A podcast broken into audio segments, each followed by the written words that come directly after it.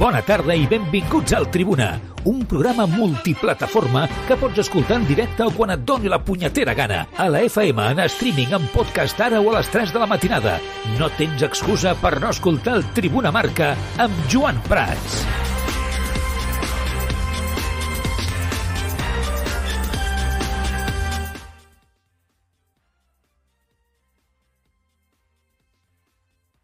Què tal, com esteu? Molt bona tarda. Benvinguts un dia més al Tribuna Marca. Xavi Hernández no s'amaga i reconeix que el Real Madrid és el favorit pel clàssic de demà. Sent favorit en aquests moments, perquè és l'actual campió de Lliga i és l'actual campió de, de la Champions. Llavors, eh, crec que són favorits ells.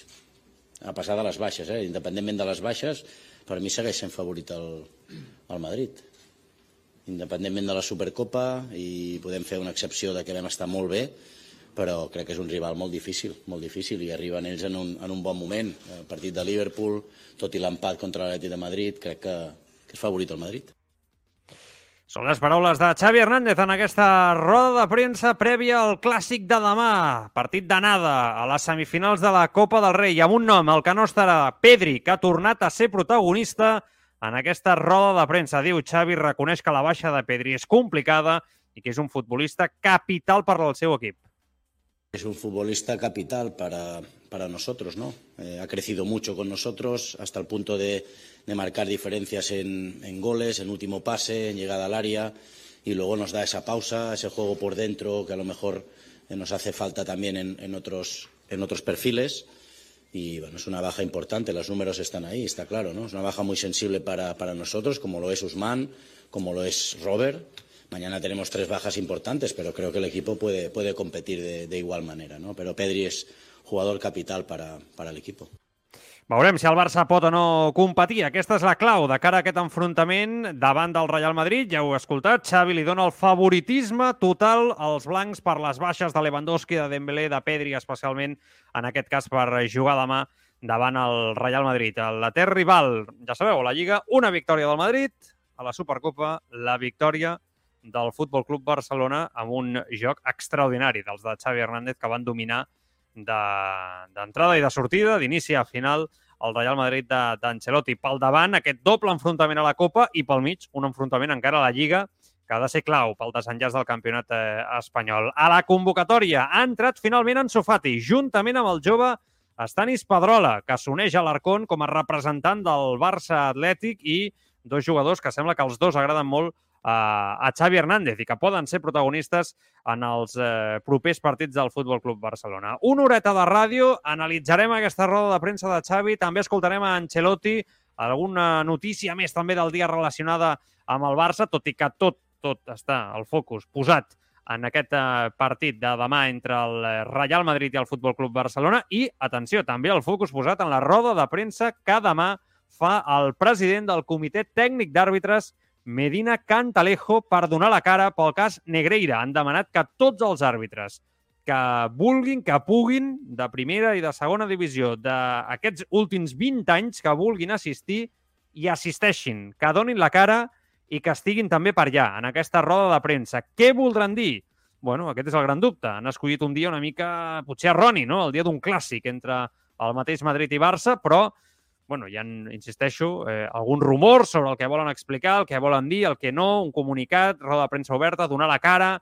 Bueno, demà ho escoltarem, però ara especularem al respecte. De moment vaig a saludar el Carlos Rojas i el Marc Truco, que, com tots els dimecres, ja m'escolten i ja els tinc per aquí. Carlos, Marc, Marc, Carlos, bona tarda als dos. Com esteu? Hola, bona tarda. Hola, què tal? Bona tarda.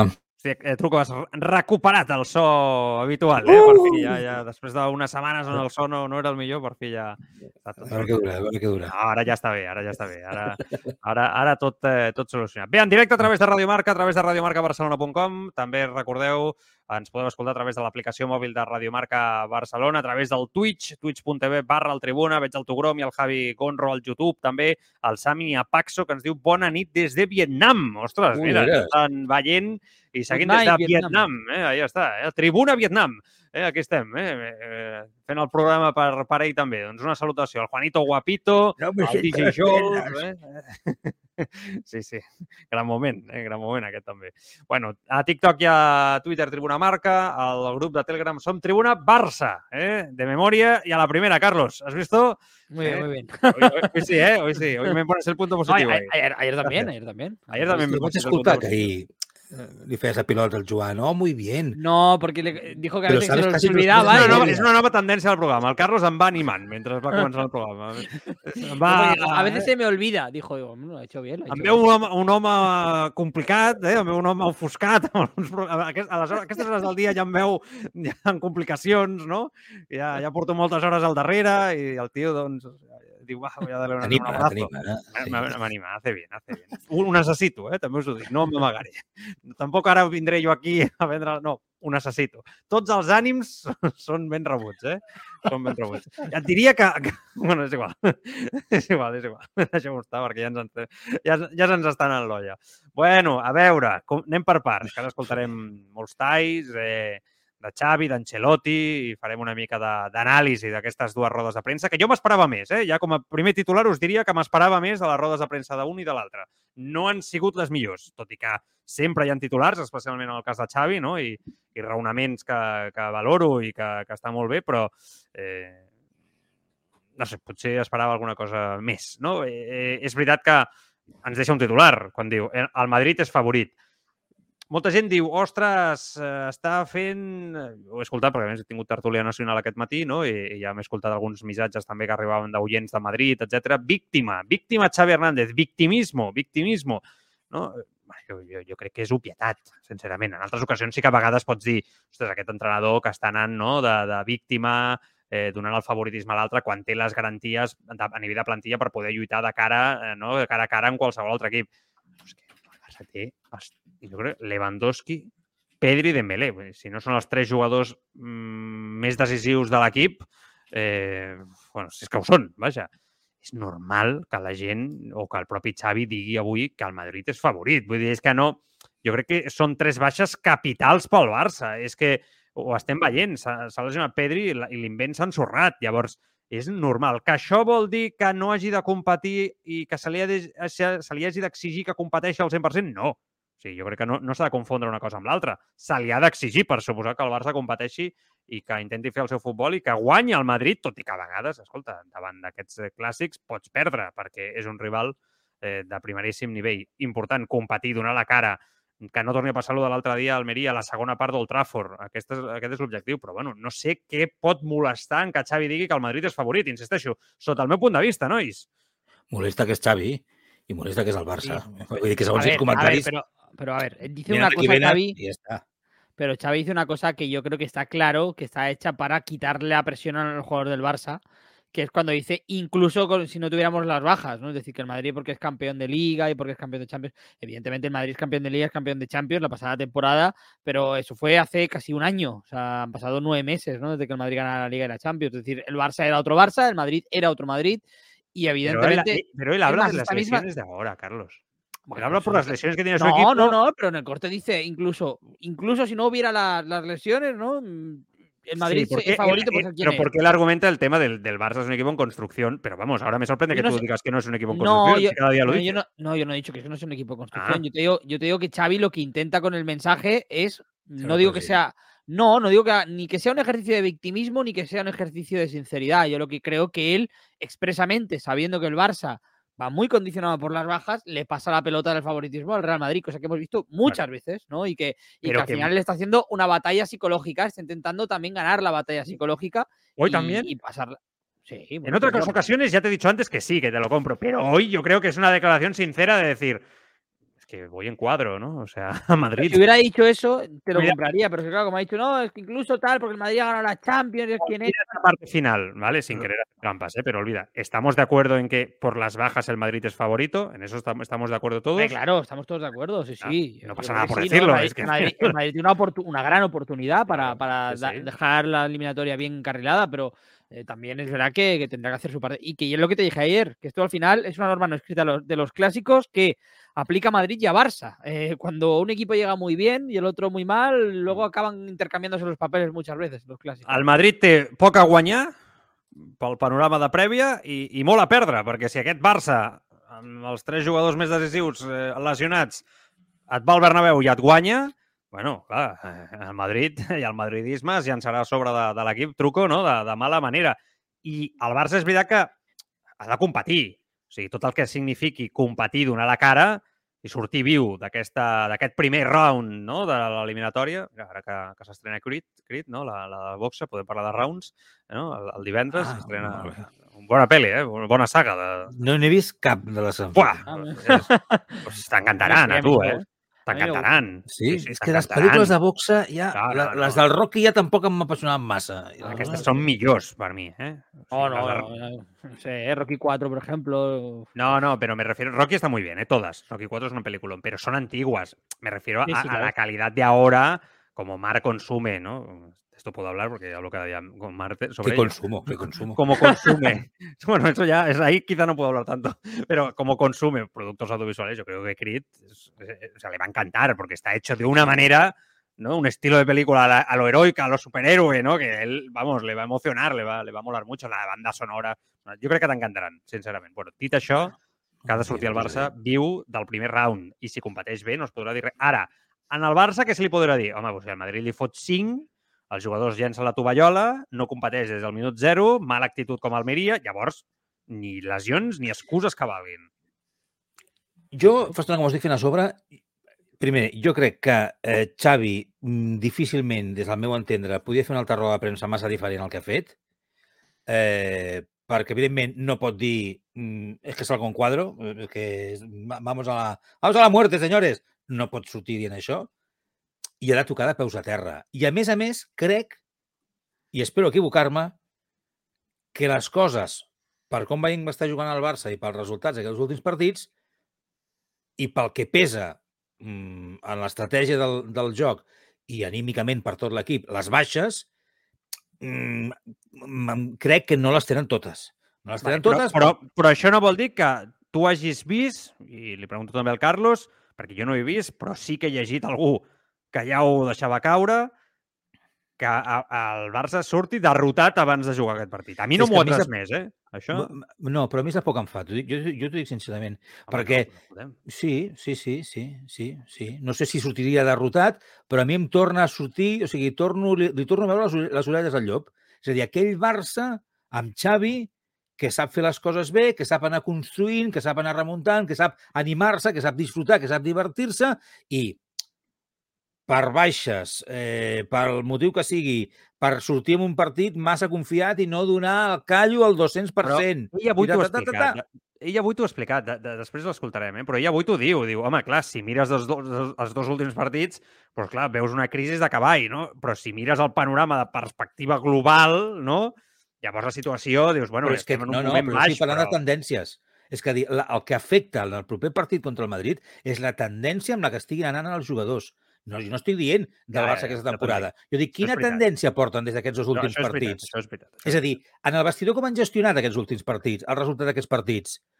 Bé? Estan No. a tope? Estan confiats? En el vestidor diuen, bueno, tenim quatre baixes de les més importants Però últims denotes partits. derrotisme eh, abans d'aquest partit en el barcelonisme?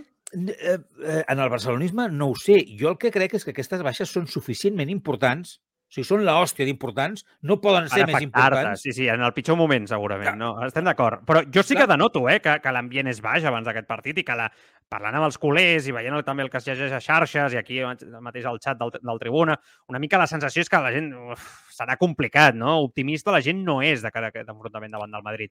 Ara, realment- derrotisme generalitzat...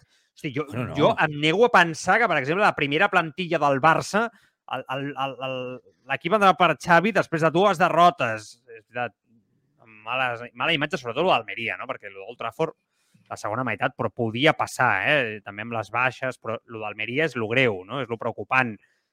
Però, hòstia, em nego a pensar que l'equip va amb aquest aire de derrotisme al Santiago Bernabéu No. de No és una-. Pero yo creo que el partido contra No el Almería no lo haces, ¿eh? Si, si pasas contra el United. Es un poco. Por ahí yo creo que un poco van los tiros también de.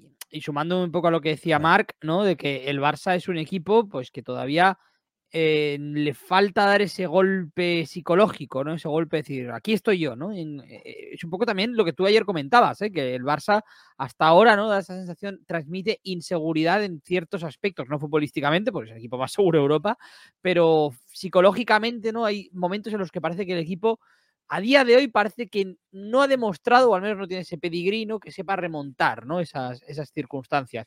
Y evidentemente mañana empiezas, entre comillas, perdiendo ¿no? la batalla moral. Yo por eso entiendo que Xavi hoy le ha querido pasar la pelota de la presión al Real Madrid, entiendo ese movimiento, ¿no? Pero, pero el Barça mañana tiene que salir pensando que es una oportunidad para dar un golpe encima de la mesa y no como un partido a verlas venir, porque si sales a verlas venir, Claro, vas a perder. Estamos seguro. de acuerdo en que a todos nos gustaría que mañana, y sería, incluso me llegaría, llegaría a decir lo normal, que el Barça saliera con personalidad, ¿no? A dominar al. Madrid, a jugar a muerte, a dejarse la vida en el Bernabéu, o sea, que, que fuera un partido... Hoy Xavi lo ha transmitido, ara l'escoltarem, eh? Però Xavi està amb sensacions de grandíssim partit, d'anar a, top, a totes i a tope, no?, en aquest sentit. O sigui, ell, ell, com a mínim com a entrenador, ell té aquest posat, no? De, els seus jugadors, l'ambient psicològic de la plantilla, els ànims, els dubtes, això pot ser que vagi per una altra direcció perquè ho hem vist en alguns partits, no? en, alguns, en alguns moments de la, de, la, de la temporada de forma clara i evident. Vull dir, no m'estic inventant Sí, sí, absolutament res. No? Jo crec que és, és algo que, que, tots hem, que tots hem vist. Ara, jo us dic una cosa. mm, Si demà aquest equip surt derrotat de primeres, mm, excuses, eh, abatut, sense... Jo espero, que- i això no, jo, Jo no, espero que no i crec que no, però si això passa, mm, això de veritat, eh? O sigui, és el pitjor que li pot passar a aquest equip per al moment de la temporada, les conseqüències que pugui tenir, i et dic una cosa, mm, la gent s'escabrejarà S'empiparà. moltíssim, eh? S'empiparà molt i es cabrejarà molt. No, no s'empipa, no, que es cabrejarà molt. Utilitzem una paraula major. O sigui, perquè, perquè ostres, a aquestes altures de la pel·lícula eh, la gent accepta allò de l'equip en construcció. A poc a poc, anem fent, etc. Però, però, mm, la gent té ganes de realitat. I torno a insistir, si un només mira els dos partits i la situació actual, s'emprenya. Però si mira la perspectiva, algú que jo sempre recomano, no? durant cada dia en aquest programa, mirar la perspectiva de la temporada, crec que és evident que quan un mira l'espectre global, les coses van bé. Venim d'on venim, eh? Venim d'on venim. Europa encara no et dona, vale? però vas líder 7 punts d'avantatge, viu a la Copa, has guanyat Supercopa. El Madrid a la final. Vull dir, el balanç a dia d'avui és positiu.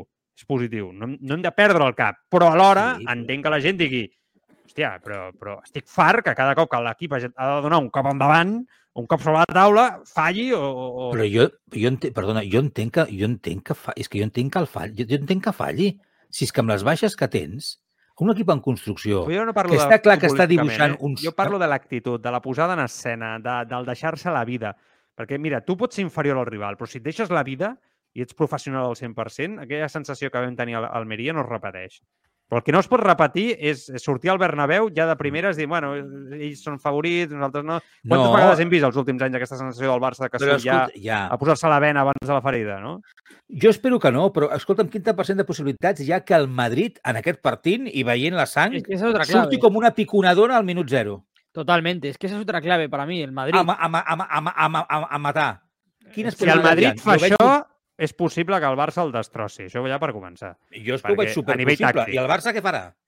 No, pero No, ojo que el Barça, que el. Barça defensivamente es un equipo Sí, yo creo que está preparado para aguantar Sí, sí. 15-20 minutos del És Madrid. que de aquí és on s'ha Sí. o- aquí és on s'ha d'agafar, eh, l'equip, defensivament, en la claro, Però fortalesa mira, però hi ha, hi ha un oient que diu, al Juanito, defensivamente podemos evitar un desastre. Podemos evitar un desastre, un desastre, però no la derrota, perquè tu tens una bona defensa, però si al, al, al mig del camp no controles el partit i no generes, ets incapaç de tirar cap endavant i fer tu pressió... i- A, a què, Ara parlarem d'això. Ara parlarem d'estil perquè Xavi ha, ha parlat també en roda de premsa. Va, seguim escoltant a... sobre això, dic, eh?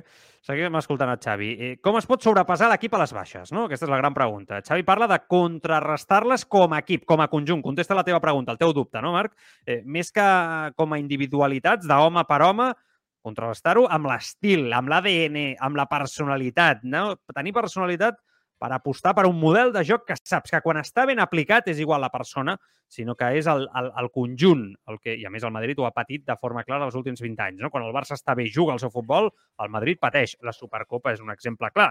No? El Barça va ser fidel a la idea i és veritat que el Madrid eh, doncs, eh, va patir moltíssim aquell dia, de forma clara i evident. bueno, doncs aquesta és una mica la fórmula que proposa l'entrenador del Barça per suplir aquestes baixes, sortir de primeres a ser el protagonista del joc equip que mai, no? tant en defensa com en atac, com en estratègia. Els petits detalls en aquests partits marquen diferències. Llavors, hem de tenir molt la pilota, ser protagonistes amb, amb la pilota, ser molt valents, tenir personalitat, és un partit d'alta personalitat, de minimitzar les pèrdues, perquè ells en qualsevol pèrdua a tres quarts de camp doncs, t'acaben eh, fent ocasió de gol, una transició molt, molt difícil de contrarrestar, amb Vinícius, Valverde, si juga Rodrigo, Benzema, doncs aquests, aquests jugadors físicament són molt forts i fa que aquesta pèrdua doncs, ells l'aprofitin. No? Partit d'aquestes hem de controlar, de controlar, hem de dominar amb la pilota, intentar jugar amb molts minuts a camp contrari i és un partit de personalitat, de model de joc. És un partit de, de tirar de model de joc com vam fer a la, a la Supercopa. Clar. Es que esto que dice, es que esto que dice es clarísimo. O sea, tirar de modelo de juego. El problema... O sigui, eh, la teoria està molt clara. I, I jo aprecio que Xavi surti i digui això, perquè entenc que si diu això en roda de premsa és el mateix missatge que transmet als seus jugadors. La teoria està molt bé. El problema i l'interrogant que a mi se'm genera quan escolto això de Xavi és dir, ja, però és que en la majoria de partits no ets capaç d'imposar el model amb la pilota. O sigui, ho vens pràcticament tot a una part del model, que és la pressió alta, recuperació a línia tres quarts i, i aquí ser letal, amb un, després un gran sistema defensiv. Però el model, el model de joc, seguim buscant-lo amb certa continuïtat. El Barça ha millorat amb Xavi respecte als últims entrenadors en, la, en apropar-se al joc posicional, al model, a l'ADN? Sí, per suposat. Crec que ha millorat. Ha aconseguit arribar a aquell punt on el Barça, tant sí com no, jugui davant de qui jugui, a on jugui, imposi el seu joc i el seu futbol, com passava amb altres Barces, el de Rijkaard, el de Guardiola, el de Johan Cruyff, que és, és on aspirem a anar, no? Jo crec que aquest, eh, d'això estem parlant. No. Llavors, val, és un partit de tenir molta personalitat, però ja de primeres eh, costarà. El dia de la Supercopa vas tenir aquesta, super, eh, aquesta personalitat i vas doblegar el Madrid, però és un dels pocs partits on ho has pogut fer en la totalitat d'un partit durant 90 minuts perquè això es compta amb els dits de la mà, aquells partits amb Xavi a la banqueta. No, no ho hem aconseguit de forma generalitzada i de forma continuada. Per tant, bueno, anem a veure si el Barça ho aconsegueix. A sobre tens moltes baixes, vale? okay. bueno, i Pedri jo crec que li dona molt quan has d'aplicar el model. Sí, no serà además, fàcil. No será fácil. Es que, es que fíjate, la, el punto de partida es que el Barça tiene los jugadores para poder jugar al estilo propiamente dicho contra el Madrid mañana. Yo creo que ahora mismo, eh, no nos podemos engañar, la plantilla en general del Barça no tiene asumido este estilo de juego. O sea, este, esta idea, o al menos no la ejecuta en continuidad. Exacto. Y menos. Lo intenta aplicar, pero aún no lo tiene interiorizado. Y menos ciertos jugadores que no son tan protagonistas. Es decir, este 11 de garantías, entre comillas, ¿no? que ya tenía Xavi diseñado desde hace un mes y medio, pues evidentemente, seguramente tenía los conceptos más claros que muchos jugadores que vamos a ver mañana, ¿no? Sobre, sobre el terreno de juego. Y eso que es verdad que hay algunos que son como, por ejemplo, Sergi Roberto, que muy probablemente juegue, que son de la casa, que conoce bien el estilo, que ha estado en ese Barça, ¿no? De la excelencia futbolística, pero ahora mismo no nos engañemos, ¿no? Son, hay piezas que chirrían, ¿no? Para jugar y para poder dominar. Está muy bien que, que Xavi diga eso, porque creo que es el camino y la idea, pero eh, siendo sinceros y siendo prácticos, a mí me cuesta ver que el Barça pueda poder, eh, pueda aplicar su estilo de juego, su modelo, ¿no? Con estos jugadores en el, en el Bernabéu y con las circunstancias actuales. no tengas dudas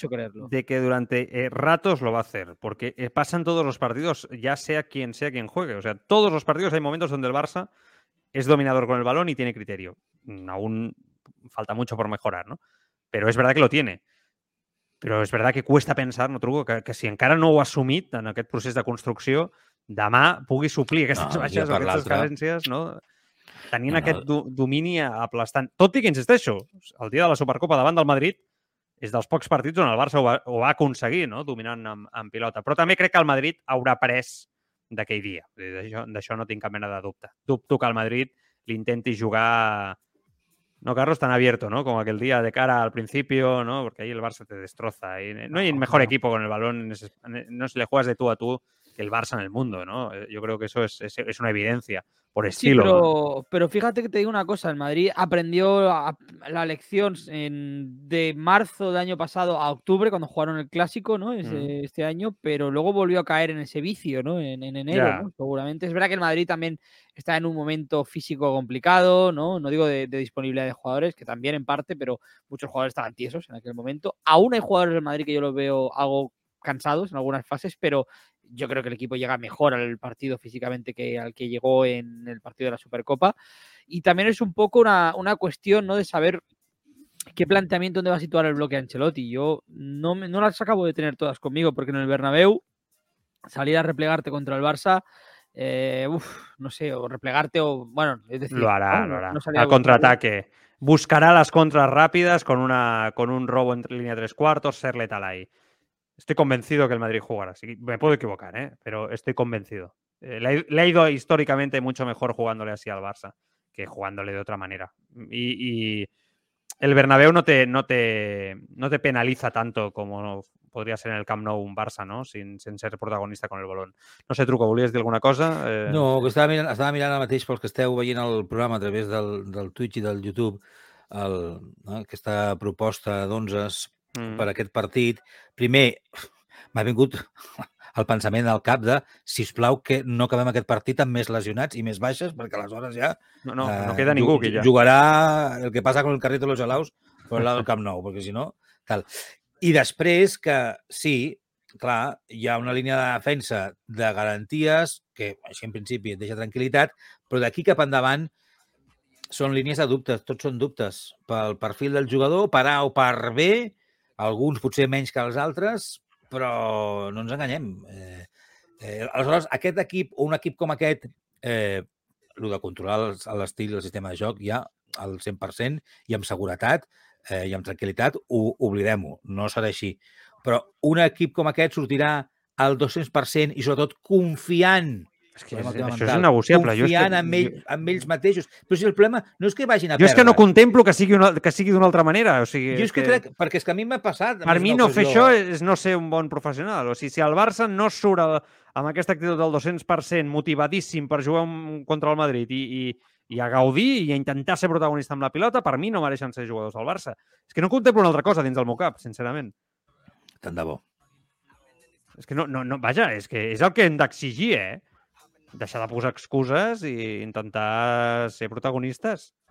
Sí, sí, sí, yo lo exigeixo, lo que pasa es que no sé si me donará. Sobre todo la, sobre todo la actitud respecto al otro claro. día, ¿no? De, de Almería. Que después te gana el Madrid siendo mejor en su fútbol, en su manera, ahí te tienes que callar, ¿no? Tú lo has intentado, però, però li has transmès al teu aficionat, al teu soci, que t'has deixat la vida i que aquell dia, pues, bueno, per les baixes, la situació, el moment, el Madrid ha estat millor i, i, i bueno, si surts viu encara pots remuntar el Camp Nou, que és una cosa que encara no podem oblidar. Això és una eliminatòria de Copa del Rei, no? I sí, sí. fins i tot, si surts i jugues bé, pots sortir reforçat de cara al diumenge contra el València.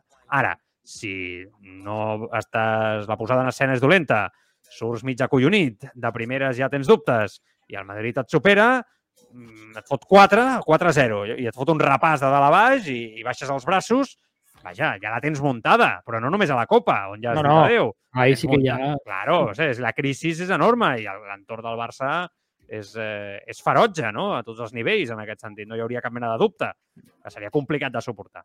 bueno, anem a escoltar més talls de, de, de Xavi, d'aquesta roda de premsa d'avui. Atenció, perquè si algú dubtava, ho dic perquè molta gent, els oients del Tribuna, no?, ens ho heu fet saber a través del xat, les xarxes socials, que esteu una mica cansats d'escoltar això de que el Barça és un equip en construcció, algo que jo ja sabeu que defenso, no? perquè això en Roma no es va fer en un dia, vull dir, és, és una qüestió d'un procés no? i seguim en, en el procés de construcció de, de l'equip de, de Xavi, amb el projecte, doncs Xavi torna a repetir que el Barça segueix sent un equip en construcció i que en la comparativa amb el Madrid els blancs estan molt més fets.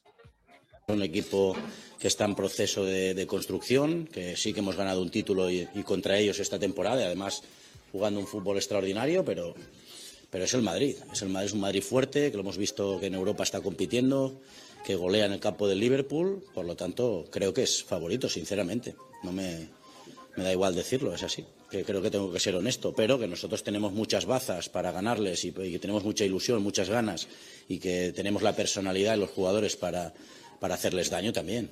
También, ya lo hemos demostrado, ¿no? Incluso el año pasado y, y este.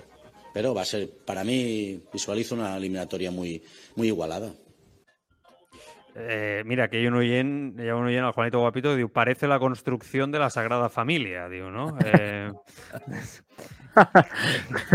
DJ Jols diu, ¿cuánto va a durar la reconstrucción, no? Eh, ja us dic que són els missatges eh, habituals. Eh, mira, sabemos que estamos en construcción. Joan, le pregunto a Xavi, está, eh, eh, le pregun la pregunta és, Xavi està a? Eh, clar, eh, un- quan, quan ha de durar un procés de construcció? Que seria la pregunta d'un equip de futbol. Dir, jo, jo crec que no... no, Jo, jo em contesto, eh, mateix, si voleu aneu darrere després, però jo crec que no hi ha un, un, un temps, no? Eh, Hi ha, hi ha equips que els hi costa més, hi ha altres que anaven pel bon camí i no se'ls hi va donar temps per poder construir-se, no? per part dels seus dirigents, per l'apatia del futbol, la necessitat de, de resultats immediats, no? de forma ràpida i contundent. Eh, però si anem a mirar els Barces, eh, el Barça de Cruyff va trigar dos anys, només va guanyar una Copa del Rei, recordeu, en construir-se, i a partir d'aquí, per tant, Xavi no porta ni dos anys. El Barça de Rijkaard, la primera temporada, eh, sí, va necessitar un any, no? un any per fer-se de forma clara, però mm, fins als dos anys no va poder competir per Champions, per exemple. No? El primer any va caure davant del Chelsea, recordeu aquella eliminatòria, amb Mourinho a la banqueta. El cas de Guardiola és un cas extraordinari, eh, però ja agafes una base, ja també que arrossegues de joves jugadors que havien començat a despuntar amb Rijkaard. El cas de Luis Enrique també eh, ja assumeixes una base a la qual li dones continuïtat. No ho sé, que cadascú posi el llistó on, on vulgui. Jo el que dic és que el Barça segueix en construcció. Que respecto i entenc l'opinió del que digui doncs vale, aquesta construcció ha donat, ha donat massa temps, ja no em serveix. Això és un altre punt de vista, també ho entenc. Vull dir, ja, cadascú posa el, el llistó del temps per un gran club on, on, on vulgui, no? De, quina és la paciència, truco, no? Fins a quin punt arriba. Doncs pues ja està, jo també ho entenc perfectament, això. Jo, per mi, crec que el- aquest Barça de Xavi se li ha de donar més temps. Perquè jo veig coses bones i crec que anirà Jo us- més. Jo us entenc perquè sóc el primer mal acostumat, perquè si mirem, si mirem cap enrere mirem els últims anys, Mm. eh, clar, veníem arrossegant, com deies tu ja, amb Guardiola, d'un equip que no es construïa des de zero, sinó que ja, ja, Bueno. ja venia una mica... No, però... No, No, sí, sí, sí. sí. No, hi havia no, material allà amb el que va treballar. i Ell era. ordena i, i ho explota, Ah, no? Sí, Sí, sí. clar, però a mi em dóna la sensació que és que ara estem començant de zero, no ens enganyem. Estem començant de zero, estem començant amb unes joves promeses I de molt a baix. i, de, i des de molt a baix, que, està, que, que unes altres que estem gestionant la seva sortida, sent conscients que, a més a més, no tenim les peces de recanvi encara. I a tot això hem anat fent uns fitxatges eh, que no són fitxatges de, que arriben i funcionen. Alguns sí, però sembla ser que no per sempre. Vull dir que no, que no és una cosa de, de continuïtat, sinó que et funcionen unes setmanes, uns mesos i, de, i després s'espatllen, com aquell que diu. Aleshores, clar, tot això és un procés de construcció. Jo entenc que la conjuntura, en global, podem criticar moltes coses. Es fan els fitxatges correctes, es paguen el que s'ha de pagar, es prenen les decisions mm, a nivell tècnic, eh, tot això ho podem posar en una llista. Però, clar, jo entenc que fer un Barça de nou guanyador, arrasador, dominador, no es farà en dos anys. És impossible. Abans de Pep Guardiola... La clau és si estàs construint amb uns bons fonaments. Aquesta és la clau de tot. Ah. Perquè quan es, mi- es construïa el Barça de Cruyff, la gent tenia la sensació que s'estava construint sota uns bons fonaments. Amb Rijkaard, especialment, després d'aquella primera temporada, tu tenies la sensació de que estaves construint un equip molt guanyador. Estava Ronaldinho i tot allò havia d'anar més. No? I després ho reforces i la cosa va, va, va, va com un tro. Amb Guardiola, amb Luis Enrique... Però la, la, el dubte és que aquí potser la gent no veu el, que el, el, el sostre d'alguns dels jugadors sota els que estàs construint sigui tan alt com en sí, aquelles sí. èpoques. No? I aquest potser, em sembla a mi que és un debat més lògic no, al respecte, perquè no podem oblidar que aquesta pràcticament és la primera temporada de Xavi. Que l'any passat eh, va arribar a mitja temporada i que va salvar l'equip, però que aquí hi ha molts canvis. Pràcticament és la primera temporada de, de Xavi a la banqueta. I el té líder amb 7 punts d'avantatge sobre, sobre el Madrid. No està malament. No, a mí la, la cuestión es eh, primero lo de los fundamentos, evidentemente, ¿no? Saber si el equipo va creciendo y si va dando esos pasos. Para mí los está dando, está creciendo muy lentamente. Yo creo que de ahí esas prisas, ¿no? Porque en Champions, al final, no nos engañemos, la liga a todo el mundo, la liga es el gran termómetro de los proyectos. Mm.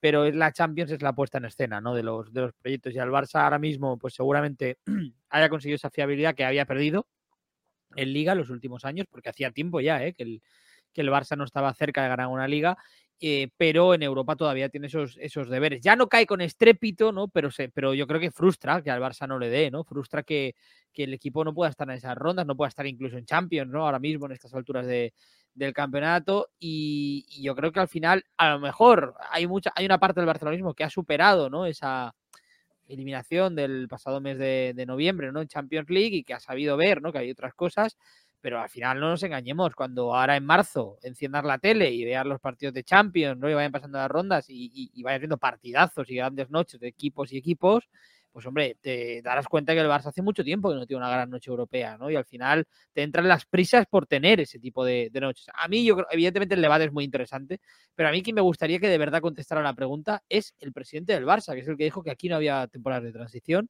y que va a tener que saber explicar muy bien el proceso del, del Barça, ¿no? Para que su mensaje tenga coherencia. Hasta ahora la tiene porque el equipo va bien en liga y, y está en semifinales de Copa, pero si se le cae ¿no? al Barça la temporada, quien va a tener que dar explicaciones es Joan Laporta, desde luego. Ese mensaje está muy bien, pero, pero todos sabemos que el fútbol necesita tiempo para que los. Bueno, el fútbol y todos los deportes, ¿no? De equipos, sobre todo colectivos, pero bueno, individuales. Eh, necesitas tiempo para construir, ¿no? Y para poder asumir eh, grandes, eh, grandes retos. Y, y, y, esto lo saben los profesionales de, de, del fútbol, en este caso. yo creo que cualquier entrenador que conozca un poco la realidad del Barça sabía que el Barça no estaba para competir en Europa aún, ¿no? Yo creo que esto es algo, algo lógico y se ha comprobado que, que, que es así. Pero no por ello viene... menos frustrante, ¿eh? hay que decirlo. No, claro, porque eres el Barça y, y, muchas veces pues se tiende a pensar o se tiende a construir un relato en torno al fútbol actual de que todos los grandes equipos con grandes presupuestos tienen la obligación de siempre competir al más, más alto nivel eh, y bueno, los jugadores son robots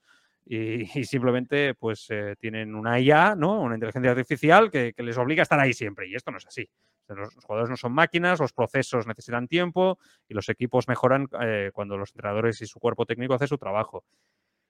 Que es verdad que la exigencia es enorme en Barça y Madrid especialmente, también, pero siempre que vayas construyendo pasito a pasito, hormiguita, ¿no? Hacia adelante, yo creo que vas en la buena línea. Jo insisto, més que de, el, el, el debat centrarloguí, jo el que el, el, el centraria és si els fonaments tenen el talent per assumir aquestes grans cotes amb les quals vols arribar a construir, perquè potser t'adones un dia que el, el projecte ja està construït, però que té un topall, no? que és el talent dels jugadors que tens, la qualitat dels jugadors que tens. I això sí que no té una solució de, de seguir treballant. Eh? Vull dir, al final... Eh, hi ha grans equips escolta, mira, el, el, el Barça és un equip mm, que els últims eh, anys ha sigut excel·lent, no? L'última dècada, entre el 2010 i el, entre el 2009 i el 2020, excel·lent, no? Eh, a nivell col·lectiu. Però ha tingut un jugador individual, Leo Messi, que ha tingut la capacitat per decidir partits on el Barça estava sent inferior de forma col·lectiva al seu rival. D'una forma clara i evident. Vull dir, hi havia equips que s'estaven deixant la vida, que estaven millor entrenats, més ordenats eh, que el Barça, però el Barça arribava a Messi, pam, decidia un partit. No? Llavors, aquest punt, aquest punt de la individualitat del futbolista, eh, de la qualitat, del toc del geni, t'ho donen doncs, eh, els, grans, els grandíssims jugadors. I a vegades aquest punt és la, el punt diferencial perquè acabis assumint aquest gran títol, no? aquesta Champions o, o fins i tot lligues, no? En, en, en molts casos, tot i que van molt lligades a la, a la regularitat. Clar, jo veig que el Barça té un gran porter, veig una defensa que a l'espera d'aquest lateral dret jo crec que està posant els fonaments per ser una defensa extraordinària, veig a dos tios com Gavi i com Pedri que tenen una projecció enorme en la seva trajectòria i en la seva carrera futbolística, un Pedri pel qual pots construir en la generació de futbol un equip al seu voltant, perquè és una joia absoluta a nivell de, de talent, però tota la resta, ja, sí, Marc, Sí, sí. Clar, tota la resta, eh, ja sé que Lewandowski és un gran rematador, però té 34 anys. Vull dir que Clar, clar, en aquest projecte també hi ha un topall. Ansu Fati és segurament aquest jugador pel qual podies construir no? aquest nivell de, de, de geni, de talent pur en la generació de futbol, però també és veritat que s'ha torçat. Rafinha és un interrogant, l'altre també. Eh, Potser eh, és aquí on jo tinc més dubtes, no? que arribarà un punt que encara que estiguis molt ben construït com a equip i ja al 100%, et faltarà aquest punt de geni, no? En, en aquell Ronaldinho, aquell Messi, aquesta qualitat a dalt, no? Que, que, i, bueno, potser el Barça és el que ha, ha de centrar-se en, el- en, aquest estiu, no? I en les properes temporades, anar a buscar aquest plus. Ah, el problema es que no tienes ese recurso ¿no? económico que tiene ahora mismo la Premier o que tenías en años anteriores, ¿no? Quizá. Clar, el que passa és que com a col·lectiu, els seguidors, hem d'entendre, i jo sóc el primer que voldria, com us podeu imaginar, que cada any això fos no? eh, el sexteto, vull dir, però eh, jo crec que hem de, hem de començar a entendre que, que, no, que, que no és gens fàcil. Que no és gens fàcil, el que passa que estem mal acostumats. Mal acostumats. Perquè, ho hem dit més una vegada, el joc del Barça, aquest joc que el Barça necessita aplicar per controlar el partit, per marcar no? el, Al els seu temps, la seva part- idea. Sí, sí. però, però això necessita moltes vegades que el, el 90% dels jugadors que estan amunt del terreny del joc, de, de joc el, el, ho, sàpiguen, ho sàpiguen fer i ho sàpiguen fer molt bé. I que en cada una de les seves posicions siguin excelsos. És, no, no, no funciona, perquè el Barça no és un equip de, Ah, sí. de, no, de, de, Sí. de moles, no és un equip de, No, no, no. agressiu, no, no, és, és, és, és, aleshores, vaja, és art. això. és art. Vull dir, sí, sí. Però, és- però, ja, però no tenim tants. Picassos. No tenim Picassos. Aleshores, Alguns sí, alguns sí, però falta... sí, pocs, sí, sí, però no tots. No tots i no suficients. I aquest és el problema del Barça.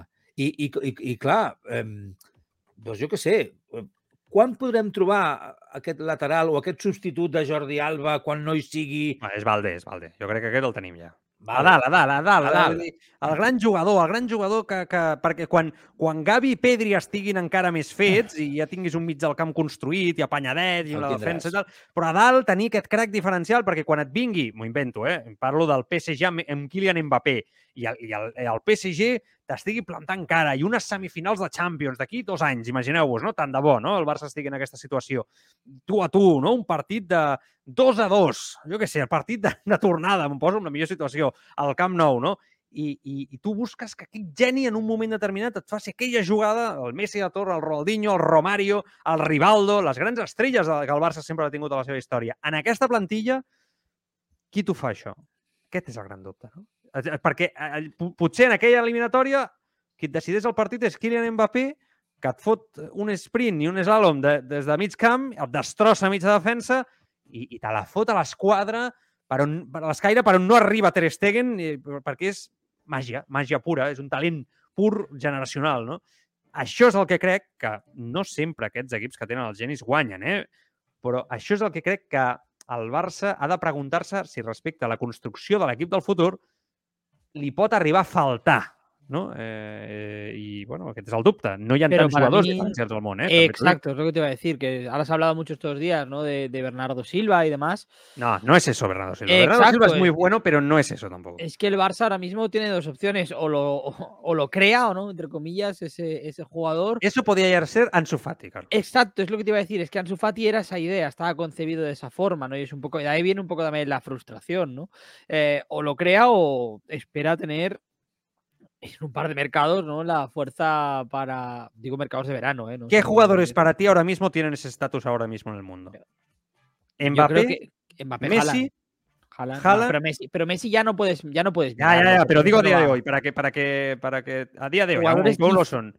Diferenciales, estrellas, top, los, los, los mejores, los que ver, deciden partidos. Yo creo que ahora mismo carencias. Sí, yo creo que ahora mismo tienes. Los dos más claros son, son Mbappé y, y Haaland, ¿no? Luego a lo mejor quizá si bajas un escalón tienes a Salah, ¿no? También, que es un jugador que también puede ser interesante más a- adelante, ¿no? Dentro de lo que de lo que cabe, y pocos más, ¿no? O sea, ahora A este nivel no, no hay muchos. Claro, es que es eso truco, es que no ni en mes. Vinicius en Barça el Madrid, siempre- por ejemplo, también. ¿Quién? ¿El Madrid qué? Vinicius, ¿no? En el Madrid ahora mismo. es Sí, un pero no, no es este nivel tampoco. es- yo No, pero, pero mucho, ¿eh? está- le falta ese, ese escalón, pero está llegando, ¿no? Un poco a. Un poco por debajo de Salah, incluso me atrevería a decir, ¿no? Eh, A ese Algo debajo, sí. Eh, algo debajo de Salah, però muy Sí, cerca, eh? no, no muy lejos. Exacte, però no muy lejos. Però ja veus, Truco, que no hi ha molts. I el Barça sempre s'ha caracteritzat per tenir aquest estil de jugadors, no? Decisius. Uh, jo crec que això és el que li, al Barça li- els propers, pels propers anys és el que jo crec que li pot faltar. Fixeu-vos, no sóc tan pessimista com molts dieu respecte als fonaments del joc que està construint Xavi. Jo crec que fins i tot aquí jo sóc optimista, crec que ho està fent bé. Tot i que ara estem en un moment baix, però en perspectiva en general. Però en aquest punt és on crec que el Barça haurà de filar molt prim. Demà et pot sortir un cap mundial a l'equip que sigui, el Barça avançar-se i fitxar-lo, no ho sé. Però no veig que hi hagi ara mateix un jugador a aquest nivell. No? Bueno, en fi. Vols escoltar, Truco, la millor resposta a la roda de premsa de Xavi? Per descomptat. Jo crec que ha sigut, sense cap mena de dubte, la millor resposta. Una derrota demà pot marcar la temporada? Li pregunten a Xavi. Marcar. Clar, és que tot marcarà. Si al final, a, a, a partir d'ara, eh, crec que tot marcarà la temporada. És a dir, a, a, si guanyem el València el diumenge, o si no guanyem, també marcarà. Si demà guanyem, també marcarà. És a dir, aquí el Barça marca cada dia, cada dia. Almeria, la derrota, doncs també ens ha marcat, perquè al final era una oportunitat d'estar a 10 punts, però estàs a 7. Bé, eh, d'estar en una situació excel·lent, estem en un notable alt. Bé, doncs, benvingut sigui. L'any passat estàvem un, pràcticament un insuficient i vam salvar la temporada. Doncs bé, hem d'estar sempre pendents de- d'on venim. Hem de centrar-nos d'on venim i on estem. I a partir d'aquí, doncs, competir, competir. Però bé, si la idea era posar-me menys catxondo, eh, ho, has, ho has aconseguit, eh? O sigui que, que... Demà és una altra història, és una altra història. Així que a competir, no, no, no ens queda una altra. Jo ho veig com una oportunitat.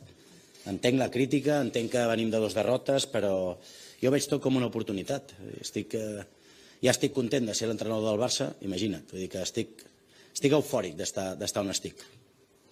Venint de l'any passat, jo estic eufòric.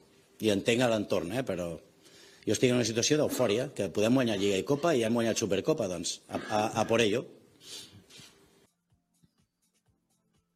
Hmm. Prèviament li havien recordat, hagués estat es- bé escoltar la pregunta del company d'ESPN, eh, el Jordi Blanco, respecte al que havia dit que li posava catxondo i tot plegat, i Xavi havia contestat rient-se. Bueno, més o menys ens fem una idea, no?, quan ha dit de catxondo i tal. És que m'encanta, perquè jo sé que a Xavi, bueno, no sé, Truco, sempre li han agradat els clàssics i anar a jugar aquests partits, no?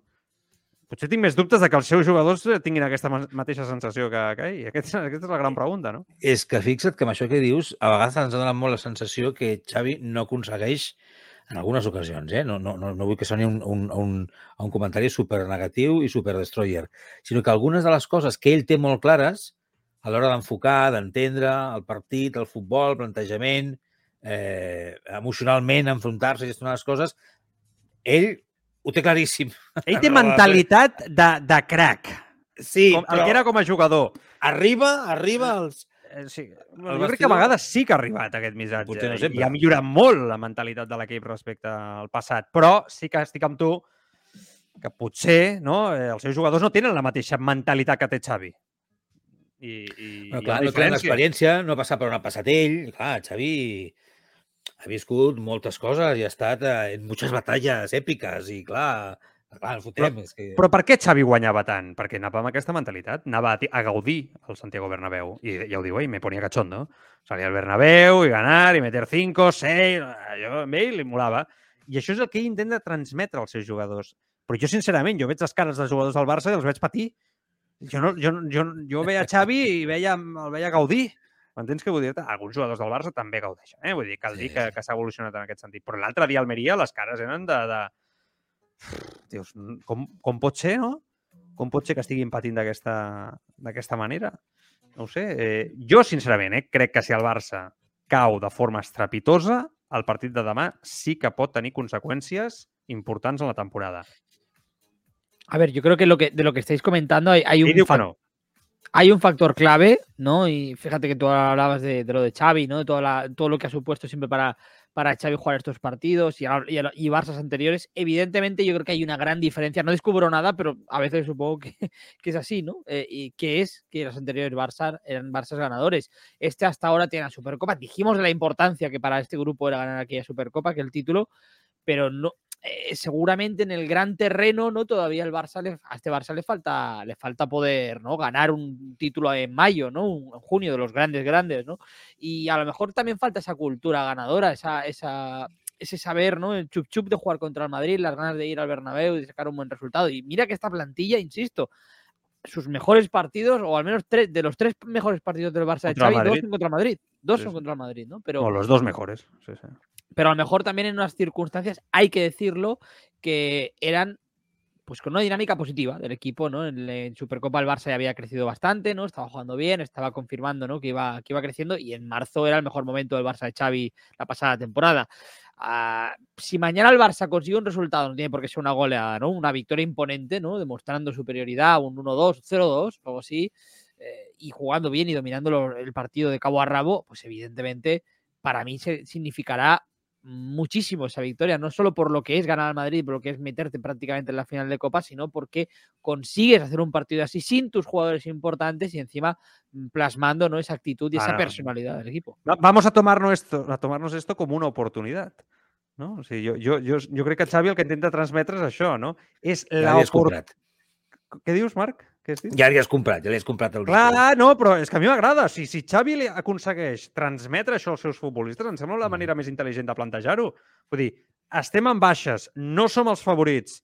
Si a sobre guanyem, el cop és letal que li fots al Madrid, no? O sigui, és, és, és la, la manera de motivar-los a sobre. Clar, però si sortim ja derrotats de primeres... Fixa't que tot el programa d'avui l'estem fent envoltant d'això, no? Els dubtes sobre si el Barça tindrà la mentalitat. Precisament li he Mhm. preguntat això en roda de premsa, sobre si mentalment no, l'equip, de fet hem parlat moltes vegades d'això, no? si és un equip feble des del punt de vista mental. Xavi aposta perquè l'equip pugui començar de nou eh, ara que es disputa la, la Copa. Diu, oye, Sàvia Nueva és una altra competició i oblidem el que ha passat a la Champions i davant de l'Almeria. A a l'ai, ai, ai, l'únic que ens pot aportar són coses negatives. No? Nosaltres hem de pensar en positiu, a pensar que tenim una oportunitat d'or de guanyar Lliga i Copa. Eh, aquesta és la, la mentalitat que tenim des de dins. No? Ho hem demostrat, hem competit bé fins ara en molts, en molts partits, també contra el Madrid, i demà sortirem a competir-li de cara a cara, de tu a tu, i a intentar ser dominadors del partit, amb personalitat i, i mostrar el nostre model de joc. A partir d'aquí, doncs, bé, el futbol té aquestes coses, l'esport, guanyar, empatar o perdre, bé, però a mostrar la nostra personalitat, que crec que, que seguim anant pel, pel bon camí.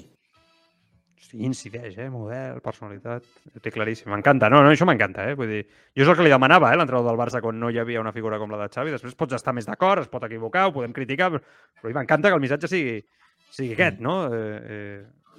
Ara, jo no estic d'acord, eh? Amb que els jugadors obliden la Lliga i es posen en modo Copa o obliden la Champions, l'Europa League i es posen... Jo, jo no estic d'acord amb això. No, no, jo tampoc he acabat d'entendre massa, eh? No, jo crec que...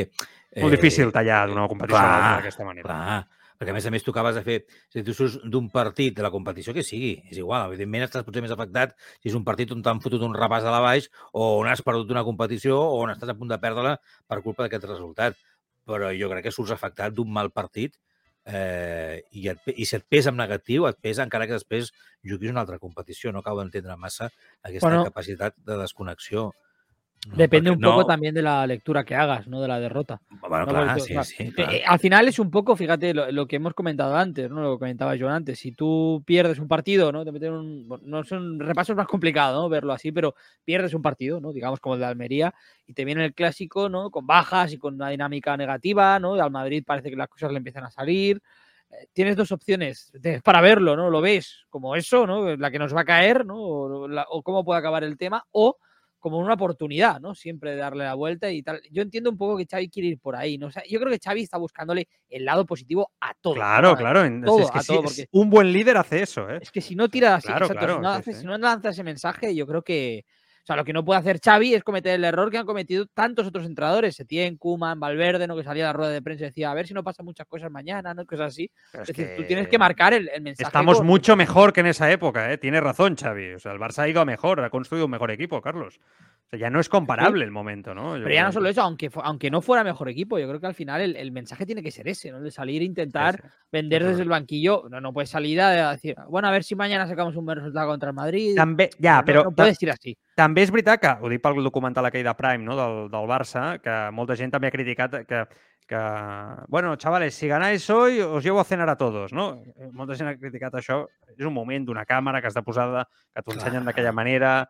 Eh, jo, quan he, he llegit alguna crítica al respecte, diuen, no és un bon motivador. Hosti, si Xavi no és un bon motivador, eh, Setién i Valverde, vaja, eh, estaven en descens en la, en la taula classificatòria de la motivació, perquè, clar, Jo estic, estic d'acord amb tu. En tot cas, si la valoració de que no és un bon motivador és simplement per aquell fragment, Bueno, no? però Per- aquest, per aquest fragment imatge. ha donat a molta gent eh, lo dels challenge i tot allò, no? Ha donat com motius per... Molta gent el critiqui, no?, d'alguna manera, eh, en, en aquest aspecte. Eh. Yo creo que nadie le puede, le puede dar una lección aquí a Xavi porque Xavi ha estado en vestuarios y yo creo que es, es- él aplica lo que ha visto. O sea, al final, ¿no? Lo que pasa es que ahora lo vemos, tenemos la oportunidad de verlo en documentales nosotros, pero, I criticar és molt la vida así. també. Bueno, l'entorn, famós entorn del Barça. Això sí que donaria per un, no per un llibre, no? una enciclopèdia. Bueno, uh, afecten les crítiques a l'entorn a, a l'equip. Eh, ahir mateix, eh, Xavi contesta que ell no massa, però que li preocupa que l'entorn pugui afectar potser els seus jugadors.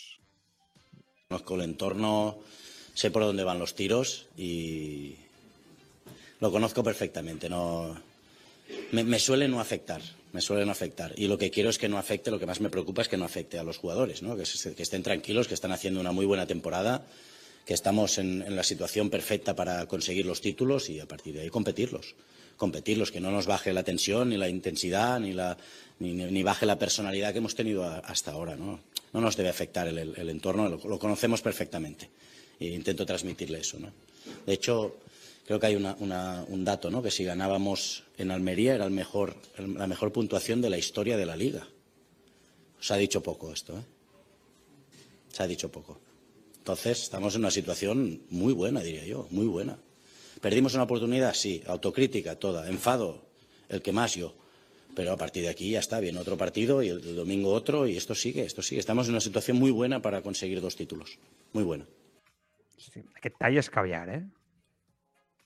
És caviar, eh? O sigui, aquest tall és, és, és... Per començar, reivindica una dada que s'ha dit poc en l'entorn del Barça. O sigui, emprenyat diu que hi ha una dada positiva del seu equip que s'ha dit poc. Que molta gent això també podria interpretar com, hòstia, Xavi marca el missatge del que s'ha de dir i el que no s'ha de dir. O sigui, en aquest sentit també hi ha molta gent. Però... I després hi ha el tema de, de com explica no, l'entorn, com, com pensa respecte a l'entorn ell, de com intenta aïllar els seus jugadors de, de l'entorn. A mi això el que em diu és que Xavi ha fet una feina brutal, Marc, de, amb els seus jugadors per fer-los entendre que el Barça té una singularitat com a club, que és un entorn molt més complicat que els altres equips, un entorn ferotge, canibalístic, no? que si no el domines i no estàs curat davant d'ell, et, destrossa. No? Ell, ell ho té assumit, ell el controla, no li afecta, però la seva preocupació és si els jugadors els hi afectarà, i em sembla normal. I, i us, us agrada que ell, ell digui que hi ha una dada que s'ha dit poc, d'aquesta manera reivindicadora, com ho diu? Us, us molesta? A mi no em molesta, a mi em sembla fins i tot que ell defensa el, el, els seus... Eh, no? no sé, el, el que ell va aconseguint com a entrenador i, la, i Claro. les estadístiques en positiu. Oh, ho dic perquè he escoltat ja alguna crítica per allà, eh? Ja, Però- Si ahora Xavi va marcar el mensaje también, ¿no? De, del, Pero bueno, al de final la estas gente, cri- del periodista de turno. Pero para mí no es buen síntoma, ¿eh? Claro, no, o sea, está bien que lo diga Xavi, claro que lo, lo reivindique. Pero, Pero lo que no es reivindica, Carlos, con- eh, eh, él lo que dice es, hombre, es que destacáis más lo negativo que lo positivo. Lo positivo lo decís poco. Es que eso me recuerda al puntaje de Pellegrini con el Madrid, ¿no? Que salía siempre diciéndolo del puntaje, el puntaje, el puntaje, ¿no? Y, y al final yo creo que cuando, cuando las cosas van bien y estás haciendo bien, no hace falta ni que tú las recuerdes, ¿no? Porque la gente las ve, ¿no? Y, se- y quedan reflejadas. Y el Barça lo está haciendo bien, pero yo creo que las críticas a Xavi van por otro lado, no van por el resultado de la Liga. Yo creo que no hay ningún culé que esté, No, con- no, es esté que es contento con, con el, exacto, con la Es puntuación del. Barça, Liga. El que passa que jo, jo, jo primer de tot, jo entenc que eh, a la premsa se'ns pugui criticar, o els mitjans de comunicació es puguin criticar, però qualsevol. És a dir, igual que nosaltres expliquem, valorem, analitzem i critiquem des dels mitjans de comunicació, i ara ja ho fa tothom des de les xarxes socials o els Mm. seus canals, als YouTubes o als Twitch, on sigui, vull dir, a l'afectat, evidentment, ha de poder dir doncs, vostè molt bé per la informació, per la seva opinió, però crec que s'equivoca, o que sempre eh, ho veu negatiu. Igual que vostè diu, jo també li dic. I, I amb això estic dient que no vull que ho faci, no, no, faci el que vulgui vostè i digui el que vulgui, però jo li dic el que jo penso i, i no ha d'haver-hi cap problema, només, només faltaria. I jo després entenc, entenc intento posar-me en la pell del, del, del Xavi perquè jo entenc que el seu punt de vista, dic perquè deia el, Car perquè deia el Carlos, Mm. ha de ser diferent. És dir, jo entenc ell que si és una persona positiva ho vulgui veu- veure sempre positiu. Jo entenc que ell ho veu des de l'esforç diari d'anar a treballar, de fer córrer els jugadors, Clar, clar. de fer de gestió, de, de la gestió personal de cada un d'ells, del tema estratègic, de plantejar els partits, d'estudiar els s'està deixant la vida, clar, clar. Clar, sí, sí. aleshores, el, el, el que t'agradaria, en- encara que entenguis que no és així, és que es, es, es vengués tot, es veiés tot una mica més positiu Ah. per l'esforç que estàs fent. I aleshores entenc que, que d'alguna manera ho, ho digui. I la, el, nostre, el nostre és des, vist des de fora i segurament té raó, i és així que quan és molt maco, és molt maco, estupendo, bé, bé, bé, bé, eh, sempre tenim el... anem a rascar, però això no estava prou bé, però això no sé què, i aquí Però què també passa? és veritat que hi ha una altra part de molta gent de l'entorn del Barça que sí que destaca el bé que ho està fent, Xavi. O sigui, potser ell té una sensació potser no- més Qui no, negativa. qui no ho destaca? Tot- Bueno, jo, jo crec que sí que hi ha una vessant de gent... L'altre dia hi havia un hashtag que deia Xavi out, eh, després de perdre eh, davant de l'Almeria. Però per part d'un mitjà de comunicació? No, no, per part de, de, de gent, d'aficionats i de- Ah. i de- de- de- d'opinadors, eh, de l'entorn potser Bueno, més de que Twitter, hi havia, etc. Hi havia gent en aquest programa que, que els primers dies de Xavi deia que era el mateix que Ronald Koeman. Ai, Bueno, ah, ahir mateix el Josep Pons deia que l'estava sabent, eh, Xavi Hernández com a entrenador eh, del Barça, ahir en aquest programa, a la tertúlia. El Josep Pons ho va dir, que- que li estava sabent, que ell s'esperava més. I, bueno, quin és el seu punt de vista, bueno, de com ho està fent, com ho està gestionant, com s'està construint els fonaments d'aquest equip, com juga l'equip. Això ho deia el mateix Josep. Bueno, no sé. Anem a escoltar un tall d'Ancelotti i marxem, eh, que, que avui hem d'acabar ja. Eh, Vinga. diu que té... Bueno, mira, el de, el de la... que no volen revenja, de la Supercopa, diu Ancelotti. que tenemos no la tenemos porque em, no la tenemos porque tenemos que eh, tener una revancha por la Supercopa. La queremos porque tenemos la gana, porque que estamos cerca de un título y cuando este equipo está cerca de un título, la caldera sube de temperatura, solo por esto. Vale, la caldera sube de temperatura. Eh, està, està clar que té tota la raó també en dir això. Eh? Quan vas amb revenges o amb males... En tota la vida, eh? no només en el futbol, amb mals pensaments, això no, no mai, acaba, mai acaba bé. No? Eh, reivindica que el Madrid vol guanyar la Copa, no? que és una competició que Hace tiempo que lo gana el Madrid, por no, no, cierto. y no se la ha tomado yo creo de la mejor manera en los últimos años, eh, muchos años, de los muchos años de los últimos. No? Eh, és veritat. Missatges, si marxem, què diu la gent? Va, som-hi, llegim. Algunos mensajes de Raúl 7 que decía, decía, os escucho desde que estabais en el programa a las 6 de la mañana. Home, moltes gràcies, Raül. Eh, Tugromi, eh, ya peligra la financiación del Spy Barça. Algunos decíamos que primero se tiene el crédito y después empieza la obra, y algunos decían que no tenían ni idea. Luego Antonio LM 1983 decía: el Madrid va a hacer sangre, están dolidos por la Supercopa. Lo veo muy favorito para mañana. Si el Barça sale vivo 0-0 o con 1-0, se clasifica. DJ Jols apunta: Yo sigo pensando que si el Madrid mete uno, el Barça se viene abajo.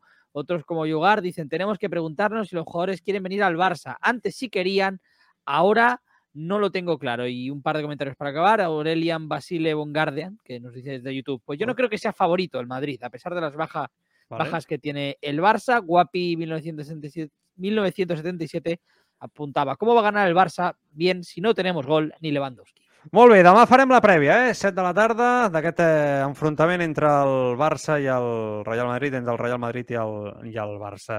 Marc, alguna cosa més? No? Eh, el, el Mandalorian, jo ja l'he vist tota, no sé si l'has Ja? vist tota, però No, ja he vist no, tot el primer no. capítol. I t'ha agradat? Estupendo, estupendo. Estupendo, eh? Estupendo, estupendo. A mi m'ha agradat, m'ha agradat, sí, sí. És sí, una sí. passada de sèrie, no es pot dir una altra cosa. No sé fins on has vist, però... No, no, yo no, no la he visto No, todavía. ¿No has visto aún? Estoy un poco out de series ahora, aunque estoy al día ¿eh? con Mandalorian, pero me tengo que ver el primer capítulo. Bueno, doncs demà, si voleu, el comenteu. Comentem. Marc, Carlos, gràcies als dos. Mañana. Cuideu-vos molt. Demà tornem. Adéu-siau.